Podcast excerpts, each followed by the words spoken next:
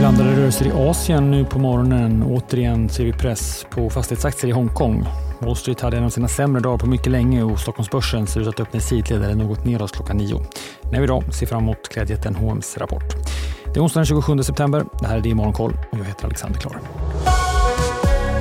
I Asien rör sig börserna åt olika håll. Det är återigen nedåt i Japan där vi fått protokollet från centralbankens senaste möte. Det var en oenig direktion som valde att hålla räntan kvar på minus och fortsätta med den expansiva penningpolitiken. Något man motiverar genom att tycka att inflationen är på väg ner och att man långsiktigt vill nå målet om 2 I Australien har inflationen återigen tagit fart. Mätt som KPI ökade inflationen med 5,2% i årstakt i augusti, upp från 4,9% i juli. Och I Hongkong är det uppåt liksom Fastlandskina men det är återigen tufft för fastighetsaktier. Det kommer uppgifter om att Evergrandes ordförande har satts i husarrest samtidigt som andra fastighetsaktier på sina håll faller kraftigt.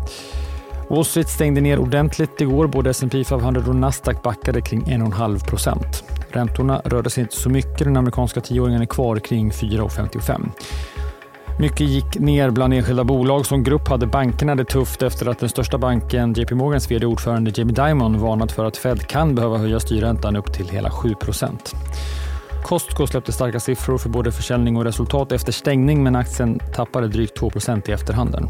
Bolaget hintar också om en möjlighet att höja medlemsavgiften framöver. Och techjätten Amazon backade ungefär 4% efter att den amerikanska konkurrensmyndigheten tillsammans med flera delstater stämmer bolaget för att man tycker att Amazon utnyttjat sin monopolställning mot bland annat återförsäljare. Sverige så. Idag ser vi som sagt fram emot H&M's rapport. De kör med brutet räkenskapsår så nu blir det juni, juli och augusti. Försäljningen har vi följt under månaderna och den kommer komma in på knappt 61 miljarder kronor. Rörelseresultatet däremot mer okänt. Analytiker spår i snitt 4,6 miljarder kronor. På tal om konsumenten så försämrades framtidstron bland butikshandlarna i Svensk Handels senaste handelsbarometer som kom nu på morgonen. Den så kallade framtidsindikatorn som väger samman förväntningar kring försäljning, anställda och lönsamhet sjönk till drygt 76 i september, ner från knappt 79 i augusti. Vi har fått flera mindre emissioner efter eh, börsens stängning igår. Maximum Entertainment, Ostdesign och Iconovo har alla gjort riktade efter börsens stängde. Och fastighetsbolaget Fastator har lyckats förlänga utstående obligationslån med en majoritet av sina obligationsinnehavare. Igår under eftermiddagen kom ju också besked om ytterligare försäljningar från fastighetssektorn. SBB som sålde två fastigheter i Norge till en stor hyresgäst för 2,8 miljarder kronor, 10 under bokfört värde. Svenska Northvolt ska bygga en ny fabrik, men i kanadensiska Quebec. Det här uppger i alla fall källor för flera medier som Globe och Mail. Fabriken uppges kosta 58 miljarder kronor.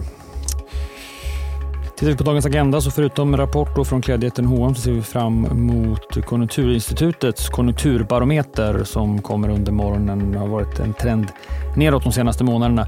Hushållen väntas dessutom rapportera in ännu sämre utsikter i nuläget. Vi följer upp det i Börsmorgon som börjar som vanligt kvart i eh, nio. Idag gästas vi av Lasse Lundgren från Aktieansvar och eh, Mattias Eriksson från PAM Capital. Var med oss på sajten eller lyssna på programmet som podd. Vi släpper den senare under förmiddagen. Det är Morgonkoll är tillbaka igen imorgon bitti. Vi hörs då. Jag heter Alexander Klar.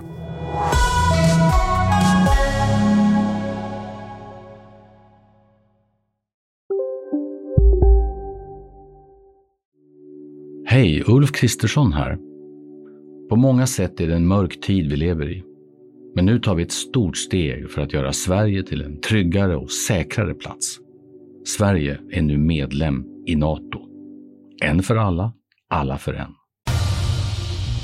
Expressen gör varje vecka podden Politikrummet där vi djupdyker i det senaste och viktigaste inom svensk politik. Med mig, Filippa Rogvall, som programledare tillsammans med mina vassa kollegor. Och det är ju ni som heter Thomas Nordenskjöld, Anette Holmqvist och Viktor Bartkron. Politikrummet kommer med ett nytt avsnitt varje tisdag. Vi hörs.